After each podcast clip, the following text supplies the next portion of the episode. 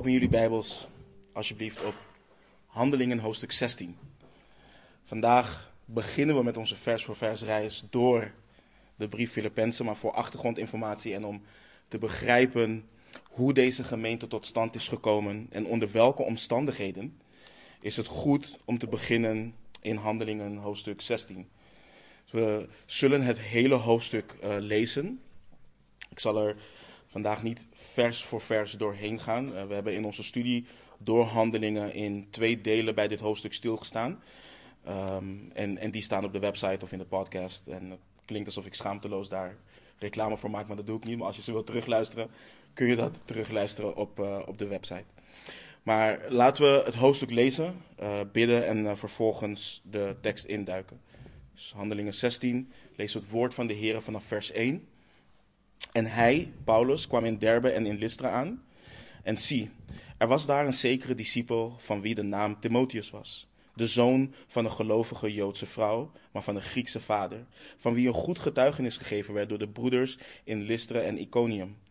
Paulus wilde dat die met hem mee zou gaan, en hij nam hem bij zich en besneed hem omwille van de Joden die in die plaatsen woonden. Want zij wisten allen dat zijn vader een Griek was. En toen zij de steden langs reisden, brachten zij hun de bepalingen over waarvan de apostelen en de ouderlingen in Jeruzalem besloten hadden dat men die in acht moest nemen. De gemeenten dan werden bevestigd in het geloof en namen dagelijks in aantal toe.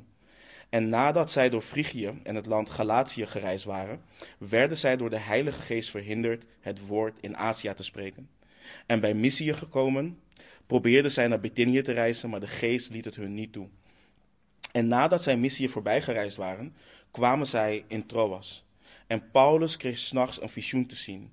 Er stond een Macedonische man die hem dringend vroeg: Kom over naar Macedonië en help ons. Toen hij nu dit visioen gezien had, probeerden wij meteen naar Macedonië te reizen, omdat wij eruit opmaakten dat de Heere ons geroepen had aan hen het evangelie te verkondigen. Wij voeren dan van Troas weg en koersten recht aan op Samothrace, aan Samothrace aan en de volgende dag op Neapolis. En vandaar gingen wij naar Filippi, de eerste stad van dit deel van Macedonië, een kolonie. En wij verbleven een aantal dagen in die stad. En op de dag van de Sabbat gingen wij de stad uit, de rivier langs, waar het gebed gewoonlijk plaatsvond. En nadat wij daar waren gaan zitten, spraken wij tot de vrouwen die er samengekomen waren. En een zekere vrouw, van wie de naam Lydia was, een purperverkoopster uit de stad Thyatira, die God diende, luisterde naar ons. En de Heere opende haar hart, zodat zij acht gaf op wat door Paulus gesproken werd. En toen zij gedoopt was en haar huisgenoten, drong zij er bij ons op aan als u van oordeel bent dat ik trouw ben aan de Heere, kom dan in mijn huis en blijf er. En zij drong er sterk bij ons op aan. En het gebeurde toen wij daar naar de plaats van het gebed gingen, dat een zekere slavin die een waarzeggende geest had, ons tegemoet kwam. Zij verschafte haar meesters veel inkomsten met waarzeggen. Zij liep achter Paulus en ons aan en riep voortdurend: Deze mensen zijn dienstknechten van God, de Allerhoogste, die ons een weg naar de zaligheid verkondigen. En dat deed zij vele dagen lang. Maar Paulus, die zich daaraan ergerde, keerde zich om en zei tegen de geest: Ik gebied u in de naam van Jezus Christus uit haar weg te gaan. En hij ging op hetzelfde moment uit haar weg. Toen haar meesters zagen dat hun hoop op inkomsten verdwenen was, grepen zij Paulus en Silas en sleurden hen mee naar de markt voor de stadsbestuurders. En nadat zij hen naar de magistraten gebracht hadden, zeiden zij: deze mensen verstoren de orde in onze stad. Het zijn namelijk Joden. En zij verkondigen gewoonten die wij niet mogen aannemen en ook niet mogen naleven, omdat wij Romeinen zijn. En de, en de menigte kwam als één man tegen hen in verzet. En de magistraten rukten hun de kleren af en gaven bevel hen met stokken te slaan. En nadat zij hun veel slagen toegediend hadden, wierpen zij hen in de gevangenis en geboden de cipier hen zorgvuldig te bewaken. En toen hij dat bevel gekregen had, wierp hij hen in de binnenste kerker en zette hij hun voeten vast in het blok. En omstreeks middernacht baden Paulus en Silas en zongen lofzangen voor God. En de gevangenen luisterden naar hen. En er vond plotseling een grote aardbeving plaats, zodat de fundamenten van, die, van de gevangenis bewogen werden. En onmiddellijk gingen alle deuren open en raakten de boeien van allen los. En de cipier, die wakker geworden was en zag dat de deuren van de gevangenis open waren, trok een zwaard en zou zichzelf gedood hebben, omdat hij dacht dat de gevangenen ontvlucht waren. Paulus riep echter met luide stem: Doe uzelf geen kwaad, want wij zijn allemaal hier. En toen hij om licht gevraagd had, sprong hij naar binnen en begon erg te beven. En hij viel voor Paulus en Silas neer. En hij bracht hen naar buiten en zei: Heren, wat moet ik doen om zalig te worden?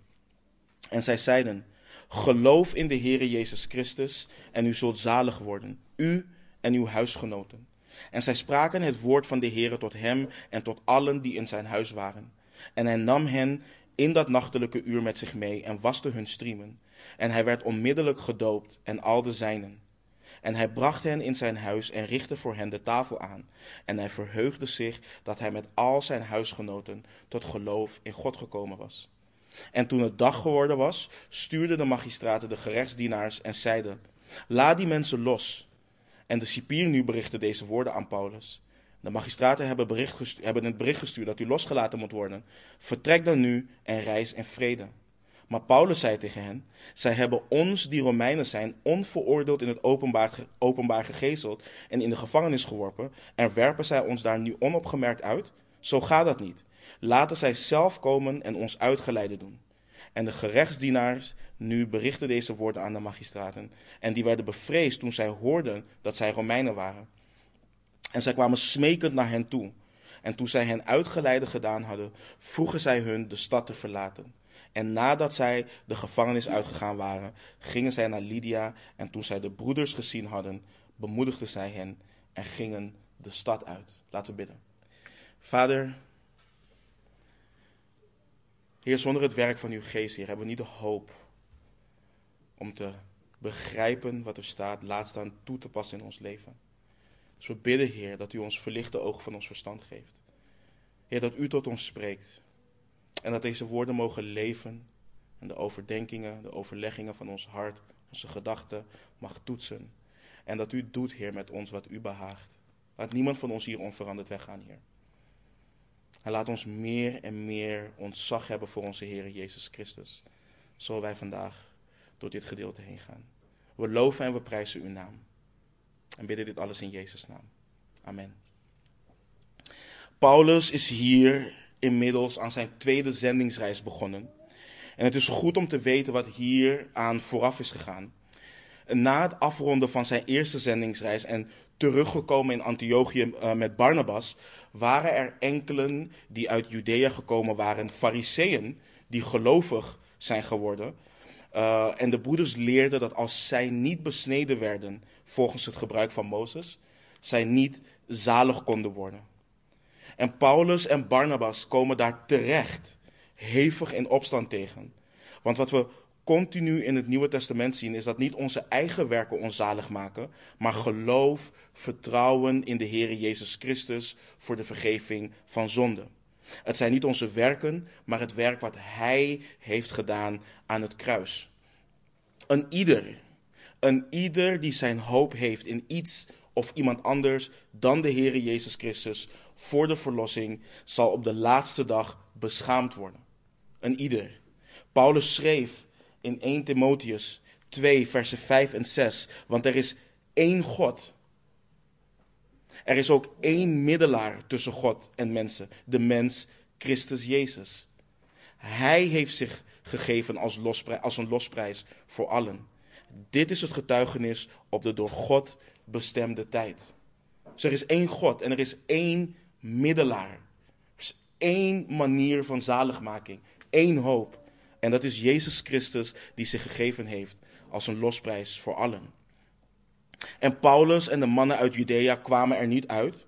En ze werden naar de oudsten in Jeruzalem gestuurd om duidelijkheid te krijgen over dit geschil.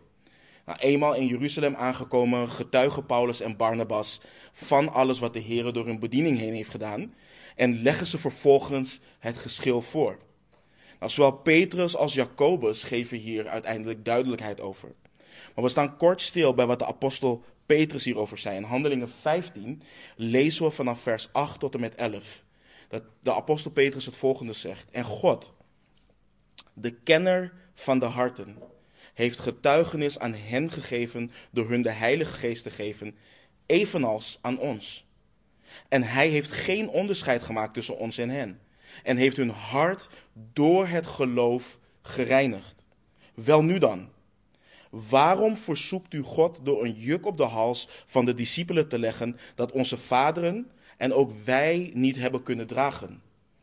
Maar wij geloven door de genade van de Heer Jezus Christus op dezelfde wijze zalig te worden als ook zij. Dit is een belangrijk, belangrijk punt in de geschiedenis van de kerk. Petrus zei als het ware: Kijk, niet zij moeten worden als wij. Wij moeten worden als hen. Door het geloof heeft God hun hart gereinigd. Wij Joden, wij moeten op dezelfde wijze zalig worden als zij zalig worden. We kunnen de heidenen geen juk opleggen dat onze vaderen niet hebben kunnen dragen, maar die ook wij niet hebben kunnen dragen. En Petrus zegt, door dit te verkondigen, verzoeken wij God. En onthoud dit, broeders en zusters, een ieder. Een ieder die met een ander evangelie komt, een ieder die een andere wijze van zaligmaking verkondigt, verzoekt God. Een ieder. Het maakt niet uit hoeveel gevoel ze hebben in die kerkdiensten. Als zij een andere wijze van zaligmaking verkondigen dan genade in de Heer Jezus Christus, dan verzoeken ze God. Charismatisch, gereformeerd, het maakt niet uit. Genade en genade alleen. En iedere andere wijze is verzoeking van God. En het woord verzoeken in het Grieks wordt op zowel negatieve als positieve wijze gebruikt in het Nieuwe Testament. Maar in vers 10 van Handelingen 15 wordt het op de negatieve wijze gebruikt. Je verzoekt God, je krijgt problemen met God en je gaat dit niet van God winnen. Want Hij, Hij heeft de wijze van zaligmaking geboden. En dat is door geloof in Zijn Zoon die gestorven is aan het kruis. En die opgestaan is op de derde dag. Jacobus bevestigt wat de apostel Petrus heeft gezegd. En, en, ze besluiten op een gegeven moment een brief te schrijven en die mee te geven voor de heidense kerken met enkele gebruiken waarvan, uh, waaraan zij zich dienen te houden. Dit om geen aanstoot te zijn voor de Joden. En onthoud, we, hebben hier, we zijn hier doorheen gegaan. Jacobus geeft ze geen nieuwe wet. Hij geeft dit puur om geen aanstoot te geven voor de Joden. Hetzelfde als wat Paulus zei: voor de Jood werd ik een Jood, voor de Griek werd ik een Griek. Maar hij geeft ze geen nieuwe wet. En ze besluiten enkele leiders uit Jeruzalem mee te sturen, waaronder Silas, die we ook tegenkomen in Handelingen 16. En vervolgens lezen we hoe Paulus en Barnabas in Handelingen 15 oneenigheid met elkaar krijgen om, uh, omwille van Marcus. En hoe het op een gegeven moment zo hoog oploopt dat ze uit elkaar gaan en elk hun eigen weg gaan. Paulus vertrekt met Silas en zij reisden door Sicilië en eh, door Syrië en uh, Cilicië en sterkte daar de gemeente. En dat brengt ons bij onze tekst van vanmorgen, waarin we zien hoe de Heer de apostel Paulus en zijn reisgenoten heeft geleid om de eerste gemeente in Europa uh, te starten. De apostel Paulus wilde het woord in Azië delen. We lezen, de Heilige Geest verhindert hen dat te doen. Ze reizen door ze komen vervolgens bij Missie en proberen naar Bithynië te reizen. Maar ook dat, ook daar laat de Heilige Geest niet toe dat zij het woord verkondigen, lezen we in vers 7. Vervolgens komen ze aan in Troas. Dus de Heilige Geest verhindert hen van het spreken in wat we tegenwoordig kennen als Turkije. We weten niet waarom de Geest hen tegenhoudt. Maar eenmaal aangekomen in Troas lezen we dat Paulus s'nachts een visioen te zien kreeg. Er stond een Macedonische man die hem dringend vroeg: Kom naar Macedonië en help ons. En uit dat visioen maakte zij op dat de Heere hen had geroepen om in Macedonië het evangelie, het goede nieuws, te verkondigen. Menselijk gezien was het logisch geweest om gewoon een doorreis te maken en het evangelie te verkondigen. Maar de Heilige Geest verhinderde dat en leidde hen meer dan 600 kilometer om naar Troas. En in vers 12 lezen we hoe ze in Filippi aankomen. De eerste stad van dit deel van Macedonië, een kolonie. En het is goed om te weten, kijk, de stad Filippi is gesticht door de vader van, en we kennen de meeste van ons die geschiedenis kennen, kennen hem. Alexander de Grote. Dus de, de, vader van hem heeft uh, Filippi gestart, Philips van Macedonië, in 356 voor Christus ongeveer. En het lag ongeveer zo'n 16 kilometer landinwaarts van de havenstad Neapolis. In een regio wat een, een toegangspoort was tussen Europa en Azië. Niet Azië, maar Azië, het tegenwoordige Turkije. De bevolking daar weerspiegelde de locatie. Een mengeling van oost en west. En Filippi was er trots op om een Romeinse eh, kolonie te zijn. Wat betekende dat de burgers de bescherming van het Romeinse, uh, van, van, van Rome, uh, het Romeinse recht genoten. Ze waren vrijgesteld van het betalen van belasting. En, en hadden geen lokale gouverneur. Ze legden alleen verantwoording af direct aan Rome. En, en veteranen van het Romeinse leger kregen daar vaak eigendom. Die kwamen daar vaak wonen. En Filippi stond bekend om haar goudmijnen, haar waterbronnen, onderwijs en meer. Uh, er was daar bijvoorbeeld een bekende medische school. En archeologen hebben daar ook veel werk verricht. Uh, ze hebben hele marktpleinen hebben ze daar opgegraven, badplaatsen, bibliotheken en, en, en ga zo maar door. Voor ons, vandaag de dag, nu anno 2022, kan dit klinken als so what, weet je. Maar dit is essentieel om te weten. Zeker wanneer Paulus in de brief aan de Filippenzen duidelijk maakt dat hun burgerschap in de hemelen is. Waaruit zij, en ook wij, de zaligmaker verwachten, namelijk de Heer Jezus Christus. Kijk, bij sommigen, en vooral in die tijd, maar ook vandaag de dag zien we dat bij sommige mensen ligt hun identiteit in de plaats waar zij vandaan komen. Het ligt in hun nationaliteit, het bloed als het ware waardoor hun aderen stroomt. Um, en dat idee, die gedachten, alhoewel niet dominerend, kan bij hun wedergeboorte nog steeds blijven. Die hele sterke link, die hele sterke identiteit met hun roots. En Paulus zegt juist tegen de discipelen in Filippi, nee, nee, nee. Hoe geweldig, hoe rijk, hoe groot, hoe prachtig, wat voor sta status Filippi ook had. Jullie, wij, ons burgerschap ligt in de hemelen. Wij zijn burgers van een hemels koninkrijk. Onze Heer en Koning is Christus en Hij alleen. Dus Paulus komt aan in Filippi en het gebruik van de apostel Paulus, als we door handelingen heen lezen, zien we dat de apostel Paulus altijd eerst naar de Joden ging. Eerst de Jood, dan de Griek, de heiden. Maar Paulus vond geen synagoge in Filippi. Wat kan wijzen op het feit dat er niet genoeg, of dat er niet veel Joden woonden in Filippi.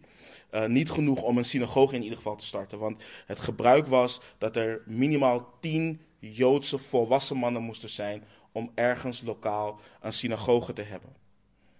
Dus wat deed Paulus? Hij ging langs de rivier waar het gebed gewoonlijk plaatsvond. En daar vond Paulus enkele vrouwen die samengekomen waren om te bidden.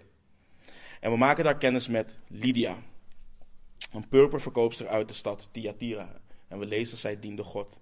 Veel is er van haar niet bekend, anders dan haar beroep en het feit dat je uit haar beroep kunt opmaken dat ze een welvarende vrouw was. En we zien de soevereine God werken. Want Paulus deelt het woord met hen.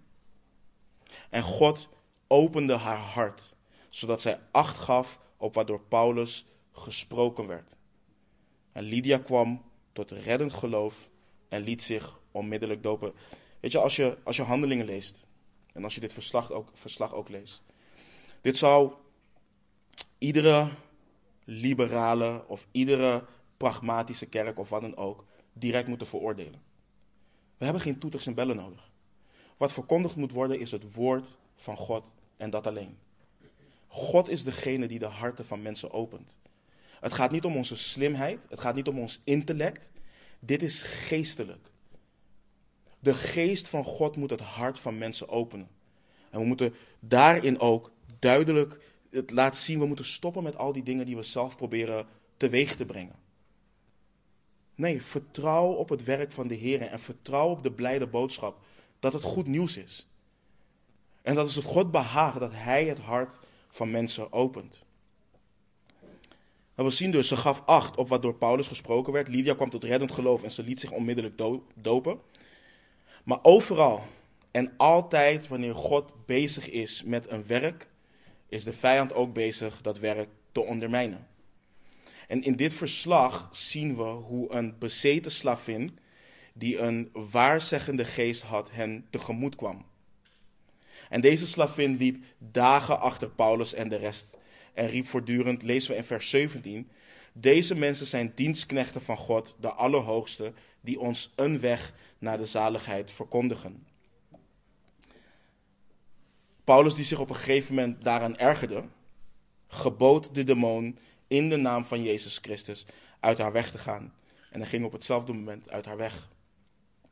En let op de reactie van haar meesters in vers 19. Toen haar meesters zagen dat hun hoop op inkomsten verdwenen was, grepen zij Paulus en Silas en sleurden hen mee naar de markt voor de stadbestuurders. Je moet je even voorstellen. Paulus en Silas, ze verkondigen al enkele dagen het evangelie daar. Ze zijn al enkele dagen daar bezig. Er was niets aan de hand. Maar dit is altijd wat er gebeurt wanneer het evangelie penetreert. Dit is de reactie vaak van ongelovigen op het evangelie. Eerst is het leven en laat leven. Ik veroordeel je niet. Je kunt je geloof beleiden, doe wat jij lekker wil. Je mag geloven wat, jou, wat jij wilt. Totdat jouw geloof, totdat het evangelie blootlegt wat er werkelijk in hun eigen hart leeft. Waar zij zelf naar begeren. Totdat het raakt, totdat het de zonde raakt wat hun aan het hart gaat en waar zij slaven van zijn. En bij deze mannen was het hebzucht. En je ziet gelijk hoe ze in opstand komen. Ze vonden het niet erg dat eerst het evangelie daar gedeeld werd. Totdat hun bron van inkomsten, totdat hun hart daarin geraakt werd. En wat doen ze? Paulus en Silas moeten verschijnen voor de magistraten. Dat zijn ambtenaren die gezag hebben, die kunnen rechtspreken in een openbare burgerlijke zaak. En ze klagen hen aan. En je ziet dat alleen Paulus en Silas worden meegenomen. Ik geloof de reden waarom Paulus en Silas worden meegenomen, die lezen we in vers 20. Eh, ze refereerden naar het feit dat deze mannen Joden zijn. Timotheus was half Grieks en Lucas was volledig heiden. Dus ze klagen deze mannen aan met een valse aanklacht. Uh, en veel geleerden gaan ervan uit dat dit zich afspeelt in de periode dat de Romeinse keizer Claudius zich tegen de Joden had gekeerd. Dus antisemitisme, Jodenhaat was normaal in het Romeinse Rijk op dit moment. Zeker in een kolonie wat roemde in hun Romeins burgerschap. De kleren van Paulus en Silas worden van hen afgerukt en ze worden geslagen met stokken. Dit alles zonder dat er een rechtszaak heeft plaatsgevonden, zonder dat ze zich hebben kunnen verdedigen. En helemaal in elkaar geslagen worden ze in de gevangenis geworpen. In de binnenste kerker van de gevangenis.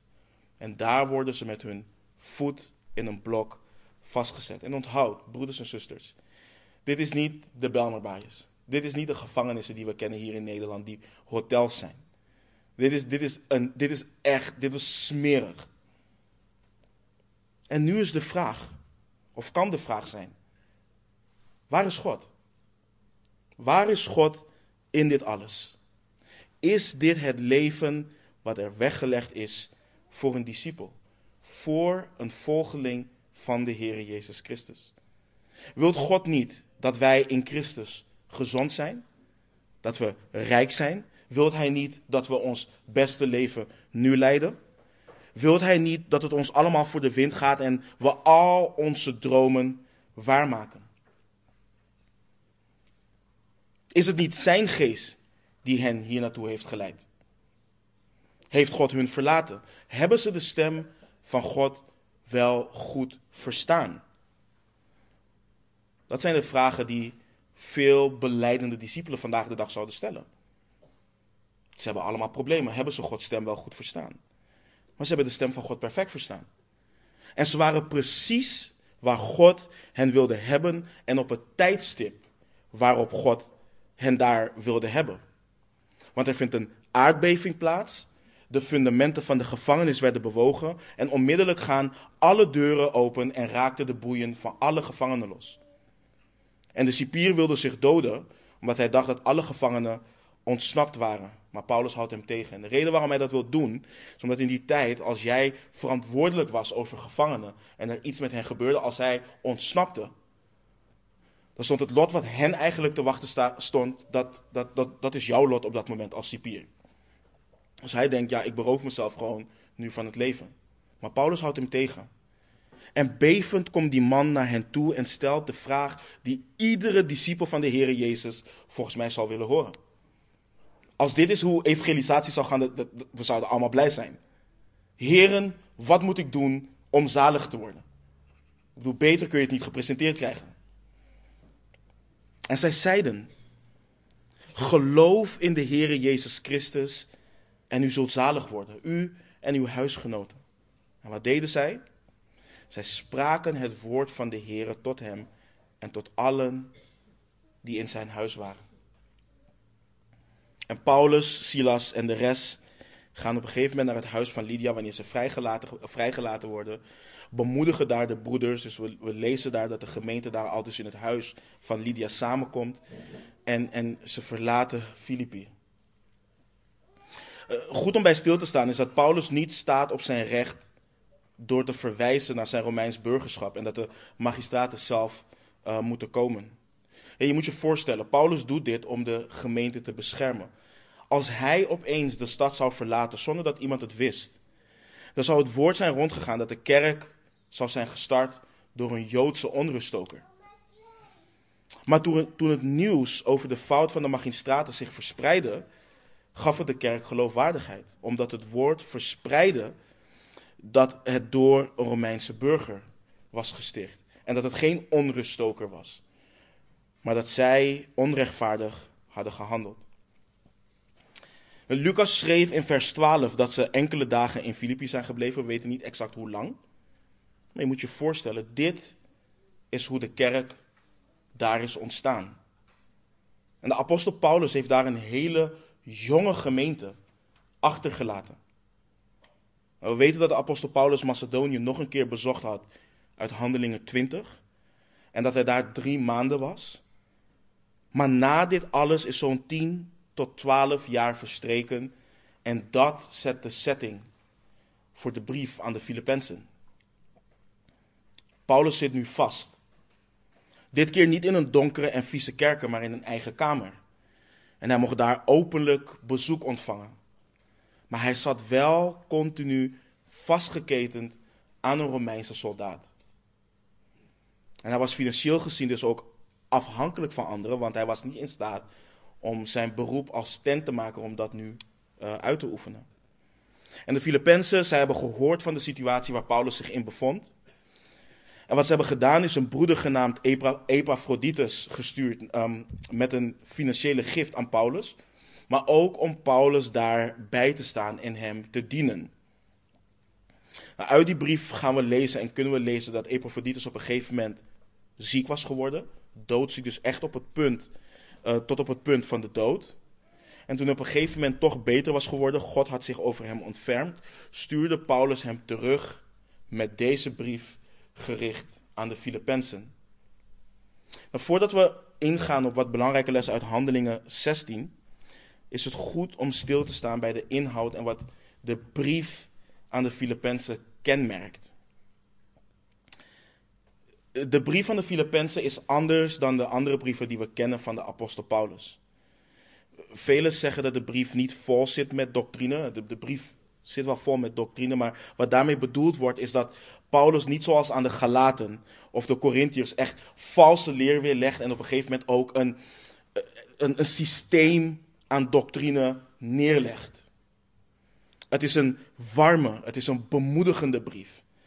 Je krijgt een, een, een, echte kijk in het hart van de apostel Paulus. Zijn hart als herder, als broeder, als discipel, als slaaf van Christus. En je ziet zijn verlangen terug in de brief voor hen. En we kunnen en we gaan enorm veel leren in deze brief. Maar ondanks dat de brief warm is en ondanks dat de brief bemoedigend en opbouwend is, is het ook een enorm confronterende brief. Want het laat iedere discipel in de Heer Jezus zien hoeveel God nog dient te snoeien in ons leven. En het laat ook zien, het kan laten zien, hoeveel vreugde wij eigenlijk missen in ons geloof. Paulus schrijft deze brief, de reden waarom hij die brief schrijft, is om de Filippenzen te danken. Om hen te danken als eerste voor hun gift. Maar hij neemt wel de tijd om hun te sterken in hun geloof. En hen te richten op de Heer Jezus Christus. Maar ook om enkele uitdagingen aan te pakken. Want uit hoofdstuk 4 in Filippenzen lezen we namelijk dat er twee zusters waren die oneenigheid met elkaar hadden. En Paulus roept hen op tot eensgezindheid in de brief. En het thema eensgezindheid is een dominant thema in de brief. En waar je dat vooral in ziet, en, en is in het woord, het verbaast ons misschien, het woord u. Het woord u is een belangrijk woord. De brief aan de Filippenzen is geen individualistische brief. Het woord u wat we lezen in, uh, in de brief is in het Grieks meervoud. Dus één keer in de brief komt het voor dat het enkelvoudig is, maar voor de rest is het alleen maar meervoud. En in sommige delen lees je bijvoorbeeld u allen. Dat is wat Paulus heel veel doet. Dus gemeenschap als broeders en zusters staat heel erg centraal in deze brief. Deze brief tackelt het ook van, luister, ik heb geen gemeente nodig om christen te zijn en ik hoef niet uh, onderdeel te zijn van de gemeente. Deze brief tackelt dat direct. Het tackelt dat direct. Gemeenschap als broeders en zusters staat centraal. En wat Paulus gebiedt in deze brief, of de dingen die hij gebiedt, gebiedt hij aan de hele gemeente. En het is zeker ook toepasbaar op, op het individu, absoluut. Maar in de context hoe wij deze brief de komende tijd gaan behandelen, moeten we ook gaan kijken naar waartoe, waartoe roept God mij op binnen het lichaam van Christus en dus ook binnen de lokale gemeente waarin ik me bevind. Waartoe roept God mij? Als eerste roept hij je op om onderdeel te zijn van een bijbelgetrouwe lokale gemeente. Maar dat gaan we door de brief heen behandelen. Dus eensgezindheid is een dominant thema. Een ander dominant thema, ik noemde het net al, is vreugde. Blijdschap. In ieder hoofdstuk kom je wel het woord blijdschap tegen of de oproep om je te verblijden. En wat je continu, continu ziet is in de Here. Verblijd je in de Here. Dat is wat continu dominant, dus dat zie je dominant in, in de brief. De brief zit vol met Christus. In de hele brief, wat bestaat uit 104 versen, zijn er 38 directe verwijzingen naar Christus. En ik heb het dan over het woord, over de titel Christus. Dan heb ik het nog niet over Hem, in Hem, voor Hem. De brief zit vol met Christus, 104 versen. Maar het gaat alleen maar over Hem. Paulus schotelt de Filippenzen Christus voor. Hem en Hem alleen. De Vader en de Zoon zijn zo dominant in deze brief. En de dominantie van de geest zie je in het feit dat tot uiting komt wat de Heer Jezus zei voor zijn kruisiging in Johannes 16, versen 13 en 14. Maar wanneer die komt, de geest van de waarheid, zal hij u de weg wijzen in heel de waarheid. Want hij zal niet vanuit zichzelf spreken. Maar wat hij gehoord zal hebben, zal hij spreken. En de toekomstige dingen zal hij u verkondigen. Die zal mij verheerlijken. Want hij zal het uit het mijne nemen en het u verkondigen. Ik zei het net ook al voordat we gingen zingen. Wanneer je naar een gemeente gaat, wanneer je samenkomt, als de persoon die voorstaat niks over Christus te zeggen heeft, dan heb jij daar ook niks te zoeken. Je hebt daar niks te zoeken. Mensen komen samen of horen samen te komen als gemeente in de naam van de Heer Jezus Christus en tot lof en heerlijkheid van Hem. Als de dienst over jou gaat, dan moet je weggaan. Het gaat over Hem en Hem alleen. Het hoort over Hem en Hem alleen te gaan. En dat zien we dus ook in deze brief. Christus wordt enorm verheerlijkt hier. En, en dat zien we in de hoeksteen van de brief van Filippenzen. En de hoeksteen van deze brief is Filippenzen 2, vers 5 tot en met 11. Laten we het lezen. Paulus schrijft daar. Laat daarom die gezindheid in u zijn die ook in Christus Jezus was. Die terwijl hij in de gestalte van God was, het niet als roof beschouwd heeft aan God gelijk te zijn, maar zichzelf ontledigd heeft door de gestalte van een slaaf aan te nemen en aan de mensen gelijk te worden. En in gedaante, in gedaante als een, een mens bevonden, heeft hij zichzelf vernederd en is gehoorzaam geworden tot de dood, ja, tot de kruisdood. Daarom heeft God hem ook bovenmate verhoogd en heeft hem een naam geschonken boven alle naam, opdat in de naam van Jezus zich zal buigen elke knie van hen die in de hemel en die op de aarde en die onder de aarde zijn, en elke tong zal beleiden dat Jezus Christus de Heere is, tot heerlijkheid van God de Vader. Denk terug aan hoe deze gemeente ontstaan is. Denk aan de omstandigheden. Denk aan hun omgeving. Denk aan het feit dat het best goed gaat met deze gemeente. Ondanks de oneenigheid tussen de twee zusters, waar de apostel Paulus naar verwijst. En dit is wat hij hen schrijft. Wat een verademing. Wat een verschil met wat er in veel kerken vandaag de dag wordt gesproken. Waar het gaat over jou en gaat over mij. Waarin we kunnen horen wat God voor ons kan doen. Als je Lelystad binnenrijdt, is er een gebouw waar er een banner op staat. Ontdek wat Gods liefde voor jou kan doen. Dat is waar het tegenwoordig in kerken over gaat. Ontdek waar, wat Gods liefde voor jou kan doen. Jij bent degene die centraal staat.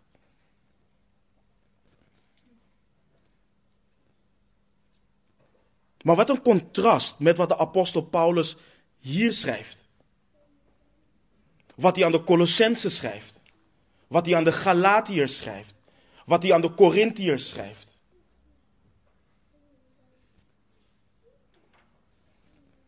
Het draait om Christus. Want Paulus zegt: Ik ben gestorven met Christus. Niet ik leef meer. Dus waarom, waarom moet ik over mezelf horen als ik dood ben? Ik moet over Christus horen. Ik moet, over, ik moet over Hem horen in wie ik nieuw leven heb ontvangen. En niet over mezelf, niet over hoe geweldig ik ben, niet over wat ik allemaal kan bereiken. Nee, over wat Hij gedaan heeft. Over wat Hij aan het doen is, wat Hij nog gaat doen, over wie Hij is. Dat is wat ik moet horen. Dat is wat ieder mens moet horen.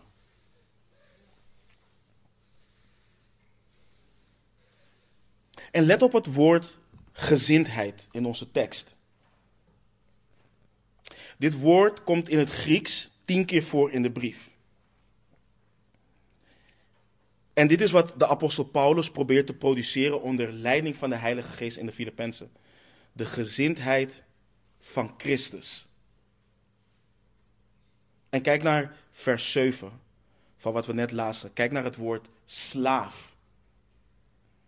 Dit woord komt twee keer voor in de brief.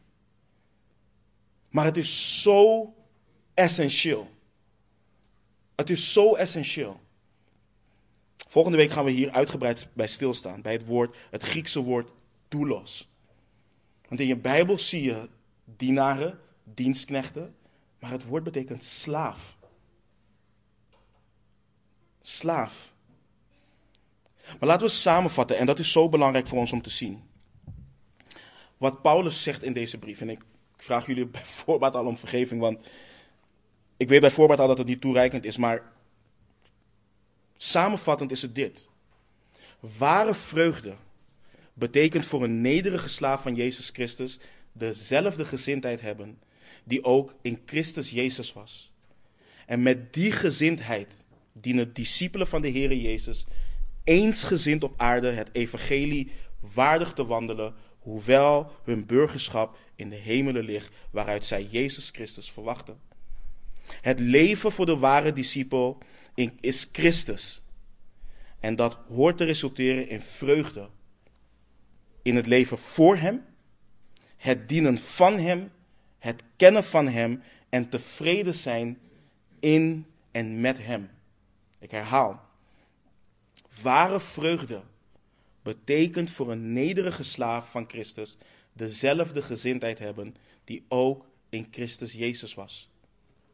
Met die gezindheid dienen discipelen van de Heer Jezus eensgezind op aarde het evangelie waardig te wandelen, hoewel hun burgerschap in de hemelen ligt, waaruit zij Christus Jezus verwachten. Het leven voor de ware discipel is Christus. En dat hoort te resulteren in vreugde in het leven voor Hem, het dienen van Hem, het kennen van Hem en tevreden zijn in en met Hem. En dat gaan we de komende weken gaan we dat helemaal uiteenzetten. Ik heb echt zin in deze brief. Ik heb echt, echt zin in deze brief. En God zegt in Jesaja um, 55, vers 10 en 11. Want zoals regen of sneeuw neerdaalt van de hemel en daarheen niet terugkeert, maar de aarde doorvochtig en maakt dat zij voortbrengt en doet opkomen, zaad geeft aan de zaaier en brood aan de eter, zo zal mijn woord dat uit mijn mond uitgaat, zo zal mijn woord zijn dat uit mijn woord uitgaat. Het zal niet vruchteloos tot mij terugkeren, maar het zal doen wat mij behaagt en het zal voorspoedig zijn in hetgeen waartoe ik het zend. Ik geloof dat als wij met een oprecht hart, een hart om Christus ten diepste te kennen, om Hem te aanschouwen, deze brief induiken, dat we geheiligd zullen worden tot eer en glorie van Zijn naam. Tot lof en tot heerlijkheid van God de Vader. We zullen gaan groeien in een verlangen naar Christus en in het kennen van Hem, het najagen van Hem. We zullen gaan groeien in liefde voor Hem en voor elkaar als broeders en zusters. We zullen groeien in nederigheid, groeien in eensgezindheid, groeien in standvastigheid in ons geloof en groeien in een verlangen naar Zijn komst. Kom ik heb, ik heb er echt zin in. Laten we om af te sluiten teruggaan naar onze tekst van vandaag. En stilstaan bij drie belangrijke punten, drie belangrijke lessen als het gaat om vreugde in Christus. Het eerste punt is, als we kijken naar wat we hebben gelezen in Handelingen 16, dan zien we er ligt vreugde in gehoorzaamheid aan de opdracht van de Heer Jezus Christus om discipelen te maken. Er ligt vreugde in gehoorzaamheid aan de opdracht van de Heer Jezus Christus om discipelen te maken. Als je kijkt naar onze tekst van vanmorgen, lees je dat God soeverein is in het werk van het maken van discipelen. In Matthäus 28, versen 19 en 20 lezen we het volgende. Ga dan heen, onderwijs al de volken, hen dopend in de naam van de Vader en van de Zoon en van de Heilige Geest, hun lerend alles wat ik u geboden heb in acht te nemen. En zie, ik ben met u al de dagen tot de voleinding van de wereld. Amen. Zo is het. En weet je, sommige mensen ehm, staan stil bij ga dan heen. En dat is het hele gebod.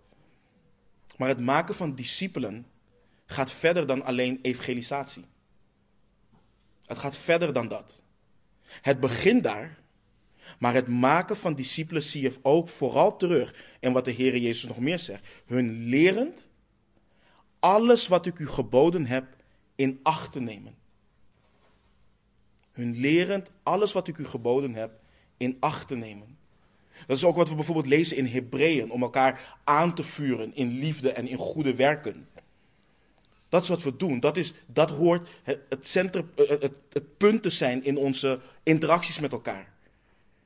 Is dat we elkaar wijzen op Christus en elkaar leren en ook gebieden om te leven op een wijze wat de Heer Jezus Christus verheerlijkt. En in Filippenzen gaan we zien dat als het gaat om het discipelen, dat iedere discipel van de Heer Jezus Christus een rol hierin speelt. Ieder lid van een lokale gemeente, iedere wedergeboren discipel in een lokale gemeente, die speelt een belangrijke of die speelt een rol in het maken van discipelen. In het discipelen. Dit ligt niet simpelweg bij de evangelist, bij de zendeling, bij de voorganger. Dit ligt bij iedere discipel in een gemeente. Want iedere gave die de Heer uitdeelt aan een discipel, draagt bij aan de opdracht om discipelen te maken. Heb je genade ontvangen? Heb je barmhartigheid ontvangen? Heb je gasvrijheid ontvangen? Heb je onderscheiding vermogen ontvangen? Welke gave je dan ook hebt, het zal Christus verheerlijken wanneer we dat inzetten binnen een lokale gemeente, om elkaar daarin ook toe te rusten. Efeze 1 bijvoorbeeld, hè? Efeze 1 vanaf vers, laten we vanaf vers 3. Leert ons. Gezegend zij de God en Vader van onze Heer Jezus Christus, die ons gezegend heeft met alle geestelijke zegen in de hemelse gewesten, in Christus. Omdat Hij ons voor de grondlegging van de wereld in Hem uitverkoren heeft, opdat wij heilig en smetteloos voor Hem zouden zijn in de liefde. Hij heeft ons voorbestemd om als zijn kinderen aangenomen te worden door Jezus Christus in zichzelf overeenkomstig het welbehagen van zijn wil, tot lof van de heerlijkheid van zijn genade, waarmee hij ons begenadigd heeft in de geliefde. Redding is het soevereine werk van God. Hij is het die het begint. En in Filippenzen gaan we lezen is dat hij degene die het werk wat hij begonnen, dat hij het is, hij degene die het werk wat hij begonnen is ook zal voltooien tot op, tot op de dag van Christus. Maar dat God soeverein is en dat hij het werk begint, betekent niet dat wij als discipelen stil en achterover kunnen leunen en wachten tot allen die de Vader aan de Zoon gegeven heeft op een dag naar de Zoon toekomen uit zichzelf. Daar kunnen we niet op zitten wachten. En we kunnen ook niet zitten en denken dat een ieder die binnen een lokale gemeente zit op een gegeven moment denkt: hé, hey, vandaag word ik gewoon opeens volwassen in de Heer Jezus Christus. Nee, dat gebeurt niet. Het is onderdeel van Gods soevereine plan. Dat discipelen van Christus gehoor geven aan de oproep om discipelen te maken.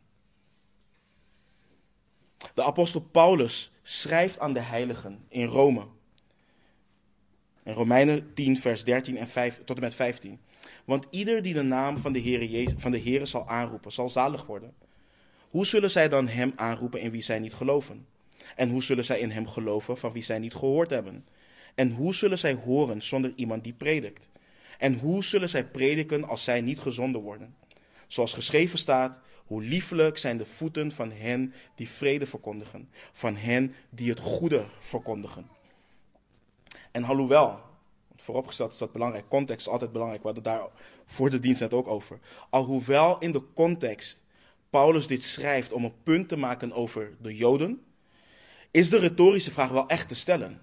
Hoe zullen mensen Christus aanroepen en zalig worden als ze niet in Hem geloven? En hoe zullen mensen geloven in Jezus Christus als ze niet van Hem horen? En hoe zullen ze van Hem horen als niemand hem predikt. Als wij geen gehoor geven aan de oproep om discipelen te maken. We, hebben goed nieuws.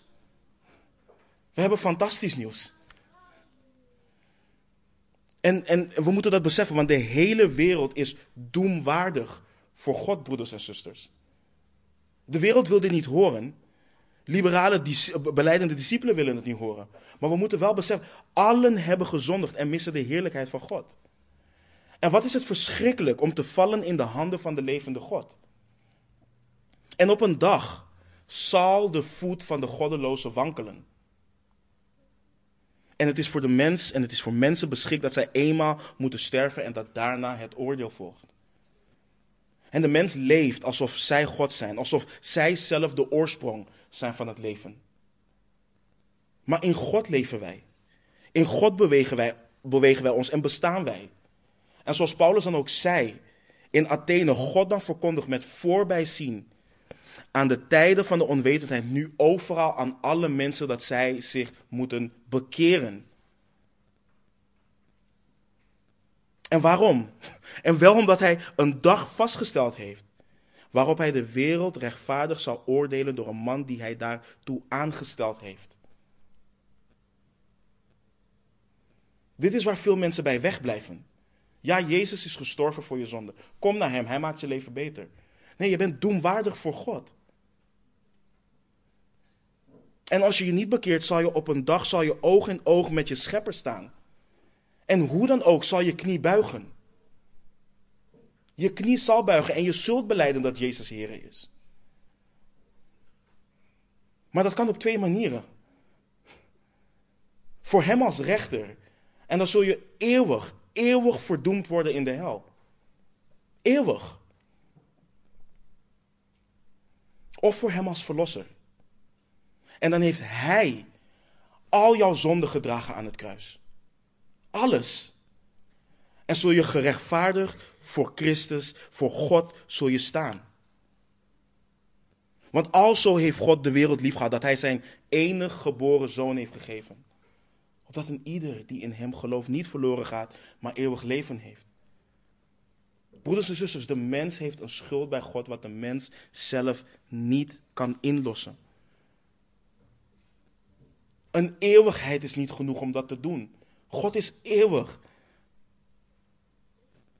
God is heilig en hij is toornig richting de zondaar.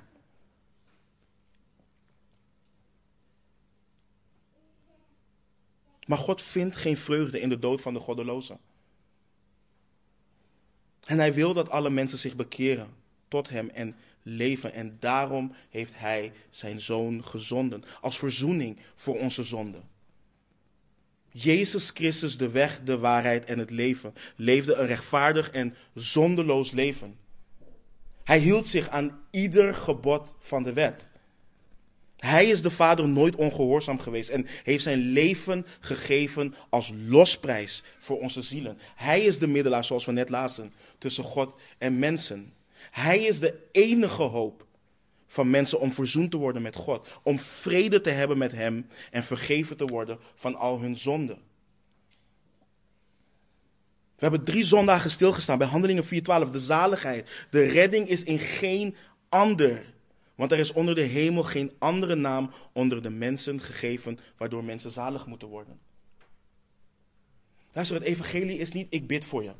Het evangelie is niet, weet je, kom naar de kerk en probeer Jezus. Dat is niet het evangelie. En we hebben een opdracht gekregen om mensen de blijde boodschap te verkondigen. De goede boodschap.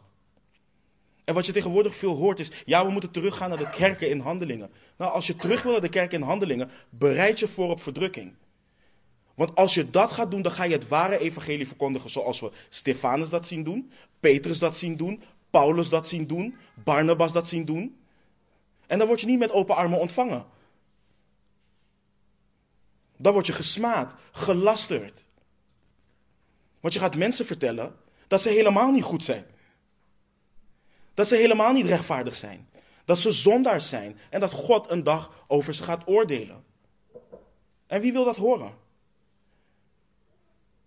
Wie wil dat horen? In liberale kerken willen discipelen niet eens horen dat zij zondaars waren.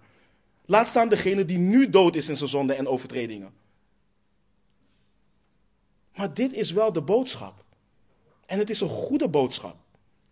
Het is een boodschap van hoop, van leven.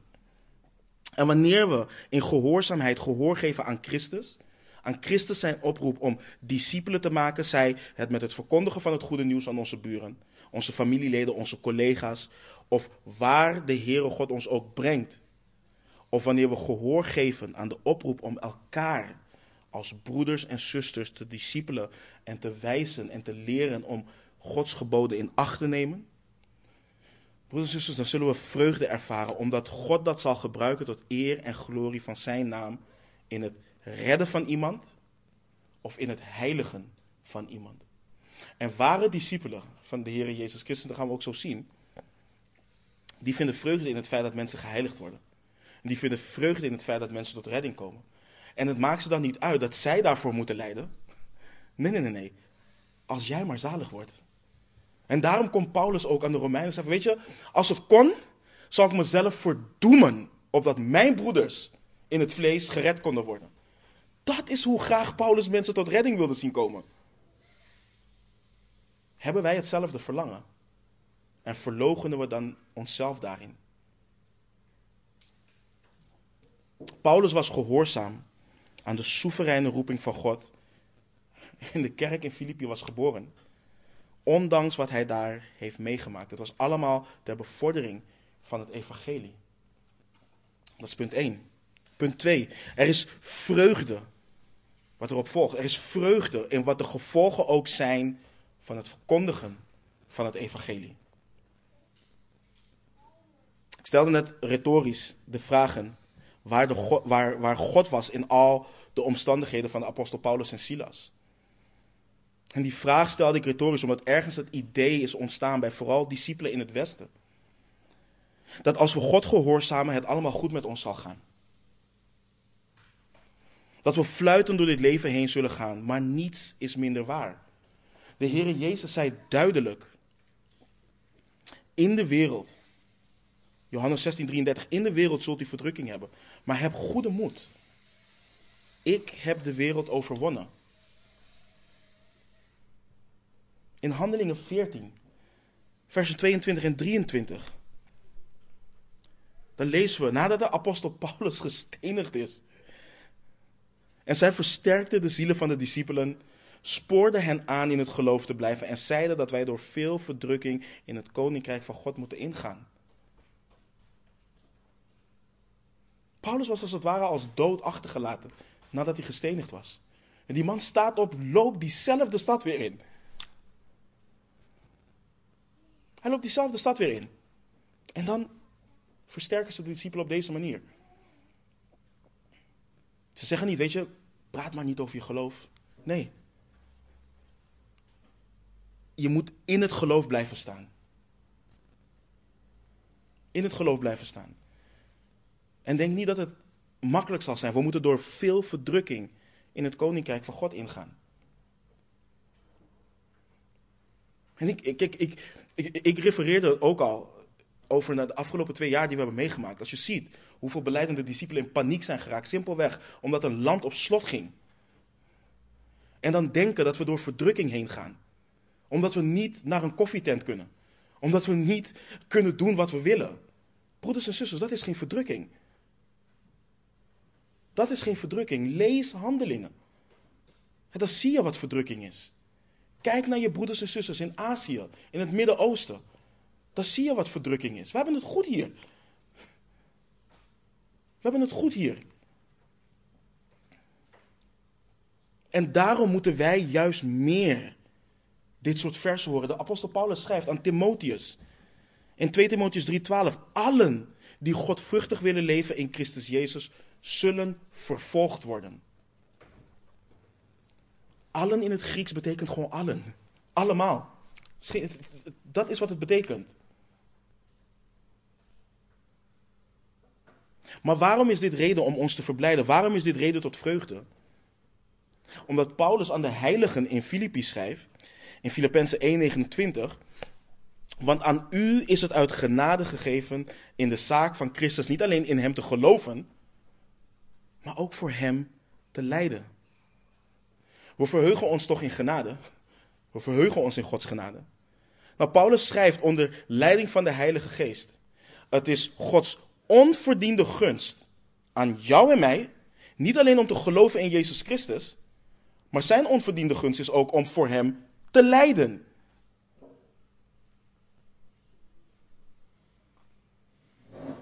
Dat is zijn genade aan ons. En daarom horen we ons te verheugen in de omstandigheden waarin we terechtkomen door het verkondigen van het evangelie. Het is Gods genade aan ons. Het is heel makkelijk om te zeggen, hè, wanneer ons auto het niet meer doet, wanneer er iets met ons huis aan de hand is, wanneer we iets op ons werk hebben en het weer goed komt. Oh, dat is Gods genade. Een voorziening. Maar we zeggen dat niet wanneer we gesmaad worden, wanneer we gelasterd worden, wanneer we verdrukt worden, omdat we de blijde boodschap hebben verkondigd. Maar hier staat, het is Gods genade om ook te lijden omwille van Christus. En dan zie je hoe wij hier in het Westen, omdat we het zo goed hebben, dat we niet beseffen wat het betekent om daadwerkelijk voor Christus te leven en voor Hem te lijden.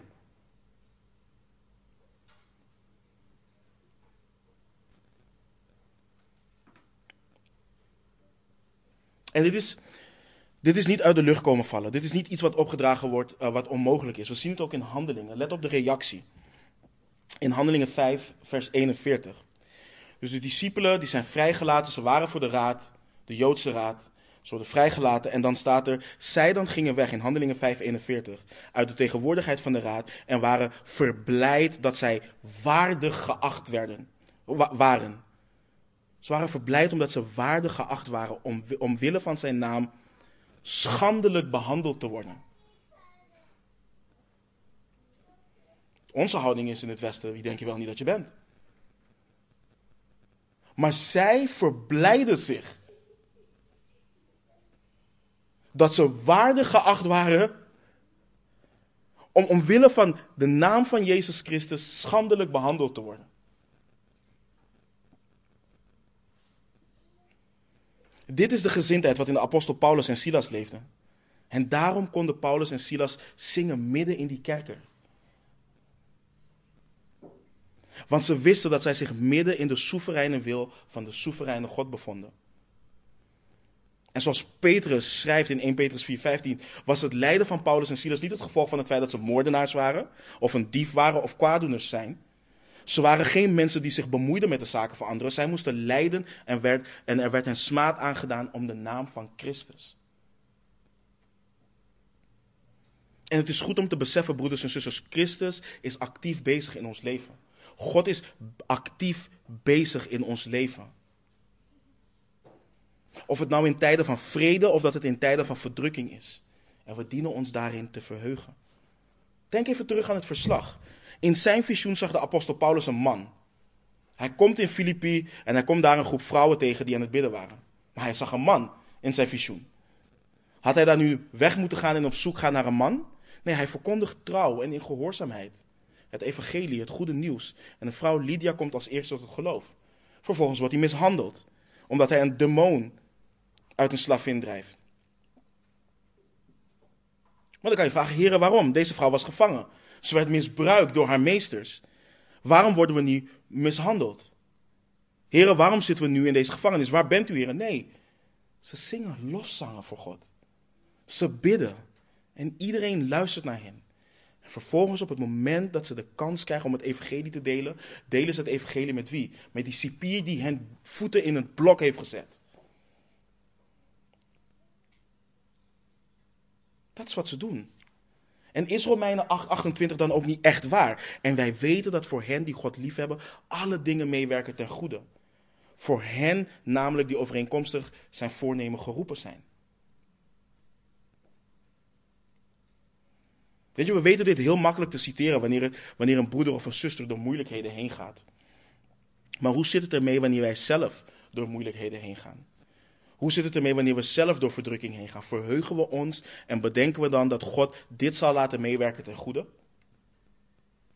Wees bemoedigd en wees verheugd, broeders en zusters. Wat de gevolgen ook zijn. Een discipel van de Heer Jezus kan je je banden met je familie kosten, banden met je vrienden, banden met je collega's, met je naasten. Het kan je banden kosten.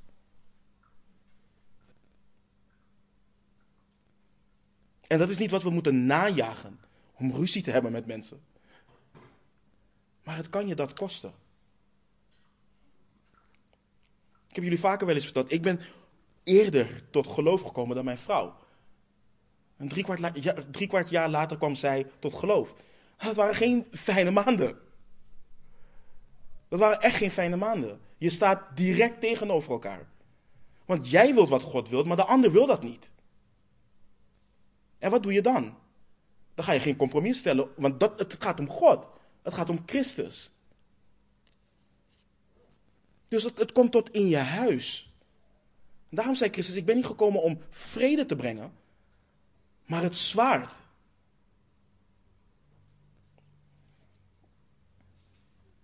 Maar wees verheugd, wat de gevolgen ook zijn. Het laatste punt. Er is vreugde. Vreugde in de bekering en zaligmaking van zondaars. vorige week tijdens de mannendienst hebben we hier bij, uh, bij dit mannenfellowship hebben we hierbij stilgestaan. Zijn we helemaal zijn we gaan kijken naar wie is er allemaal tot geloof gekomen in al die tijd. En hoe zijn er mensen toegevoegd aan de gemeente en noem maar op. Er is vreugde wanneer je daarbij stilstaat. En let op vers 34 van hoofdstuk 16 wat we net hebben gelezen. En hij bracht hen in zijn huis en richtte voor hen de tafel aan. En hij verheugde zich dat hij met al zijn huisgenoten tot geloof in God gekomen was. Hij verheugde zich. Romeinen 1, vers 16 leert ons. Want ik schaam mij niet voor het evangelie van Christus, want het is een kracht van God tot zaligheid voor ieder die gelooft, eerst, eerst voor de Jood en ook voor de Griek. Iedere keer wanneer iemand tot reddend geloof komt in de Heer Jezus Christus, is het een zichtbare demonstratie van Gods kracht. Want wij zijn niet uit staat om mensen uit duisternis te trekken. Want het hart verlangt naar kwaad. Het verlangt naar duisternis. Het is God die dat moet doen. God moet zijn onverdiende gunst en zijn barmhartigheid gieten over iemand. Iemand die hem vijandig gezind is. En hem overspoelen of haar overspoelen met zijn liefde. En dat, dat brengt vreugde. Denk aan je eigen bekering. Als je daar soms bij stilstaat. Gewoon naar je leven voor Christus. En probeer te denken aan de dingen die je deed. De dingen, de dingen waar je in verheugde. En hoe kan het dat ik nu als het ware walg van die dingen? Het kan alleen door God. Dat kan alleen door Hem. En daar verheugen we ons in. Denk aan de kracht waarmee God die persoon heeft verlost en voor eeuwig aan het transformeren is. En de apostel Paulus dankte God iedere keer dat hij aan de Filippense dag. In elk gebed van hem, voor hen allen, bad hij met blijdschap. Waarom? Vanwege hun gemeenschap aan het evangelie. En dit bracht hem immense blijdschap. En dat hoort ons ook blijdschap te brengen. En het hoort ons dus ook uit, te doen uitstappen. Om mensen tot bekering, tot zaligmaking te zien komen. En de vraag is, heb jij vreugde in je leven? Ben jij als wedergeboren discipel, ben je actief bezig met het maken van discipelen in gehoorzaamheid aan de Heer Jezus Christus? Ben je daar actief mee bezig? Ben je vreugdevol, ondanks waar je gehoorzaamheid je ook brengt? Of het nou verdrukking, benauwdheid, smaad, laster, wat het dan ook is. Weet dat je je midden in Gods wil bevindt. Weet dat je je in, midden in zijn wil bevindt. En vind je vreugde in de bekering en zaligmaking van zondaars. Besef je dat de gehoorzaamheid van de apostel Paulus. En, en dit is zo prachtig toen we in handelingen hierbij stilstonden. De gehoorzaamheid van de apostel Paulus heeft doorgewerkt tot in, de tot in deze ruimte vandaag. Besef dat. De gehoorzaamheid van de discipelen in handelingen heeft uitgewerkt tot hier in deze ruimte vandaag de dag. In jouw eigen leven. God heeft de gehoorzaamheid van, van iemand gebruikt die voor je aan het bidden was, die jou het evangelie heeft verkondigd, voor jouw zaligmaking, voor de geboorte van deze lokale gemeente. En wij weten niet hoe lang het duurt voordat de zaligmaker die wij verwachten terugkomt. Maar laten we in de tussentijd, omdat we Hem verwachten, wandelen in vreugde. In vreugdevolle gehoorzaamheid aan de soevereine God. Amen. Laten we bidden. Vader, wat bent u goed, Heer. Wat bent u goed, Heer. U bent soeverein. En u doet een groot werk, Heer. Het feit dat u als heilig en rechtvaardig God, dat u zich ontfermt over zondaars. Dat u ons uw onverdiende gunst geeft, Heer. Dat u ons niet doet naar onze zonde. Maar dat u onze ogen, dat u ons hart hebt geopend om Christus en zijn goedheid te kunnen aanschouwen. En mogen dat doorwerken in onze levens en in de levens van de mensen om ons heen, Heer. Ik bid, Heer, zo we onze reis door deze brief zijn begonnen, Heer, dat u, dat u werkt in onze harten, Heer. En dat wij mogen groeien in vreugde, in nederigheid, in de gezindheid die onze Heer Jezus Christus ook heeft, Heer. En dat we in gehoorzaamheid aan u zullen wandelen. Vader, u bent goed, Heer. We danken u. We loven u. We prijzen uw naam. In de naam van onze Heer Jezus Christus bidden we. Amen.